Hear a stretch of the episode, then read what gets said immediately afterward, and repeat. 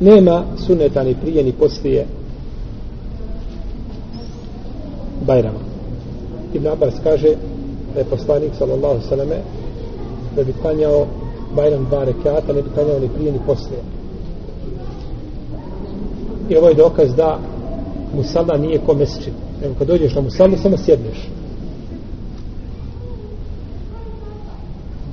I većina ljudi ne poznaje taj propis. Nego kad dođu tamo gdje se klanja na musallu, ponekad smo izlazili na musallu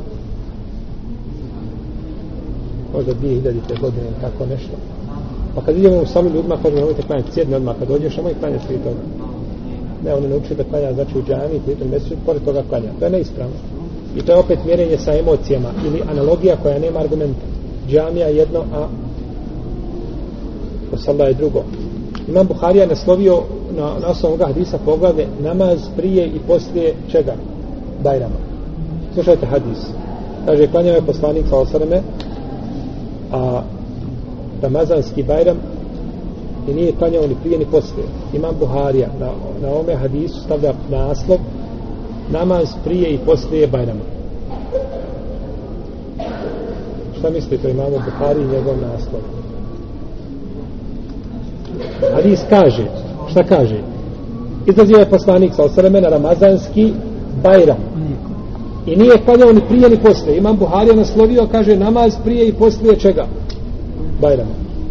Šta mislite o Buhari? Ma nema veze svako napada, pa možemo i vi. Tako? Danas je Buharija postao igračka u rukama neznalica. Reče imam Buharija. Kad bi htjeli mjeriti njegov razum, ne bi ga cijela zemaljska kugla mogla nikako izmjeriti.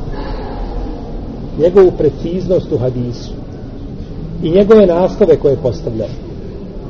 i Sahihul Buhari koji ima samo 2500 hadisa bez ponavljanja je predmet i danas istraživanja i paralizacije učenjaka pred takvim jednim djelom. Jednostavno da ljudi ne mogu da ljudi ne mogu razumijeti shvatiti. Kada imam Buharija napisao djelo Tarihul Kebir, velika povijest svoju djelo. Napisao ga je u noćima koje su bile mjese, ovaj, jesečina je bila jaka u tim noćima, pored poslanikov sa osam kabura je napisao tu knjigu. Kada je tu knjigu napisao, doneli su je Halid, kaže da pokažemo sihr. Pokažemo nešto koje, što je poput sihra. Dijelo koje je napisao Imam Buharija. Imam Buharija kada je naslovio ovo poglavlje, on je htio kazati namazi prije i posle Bajrama, to jeste pitam vas, ima li namaz prije i posle Bajrama? Pa te navede onda hadis koji kaže šta? Nema nije htio ukazati ima namaz prije ili posle Bajrama. Ne. Nego postavi to pitanje, namaz prije posle Bajrama, pa kaže, stvari nema tog namaza. Koga ljudi klanjaju? Ovaj.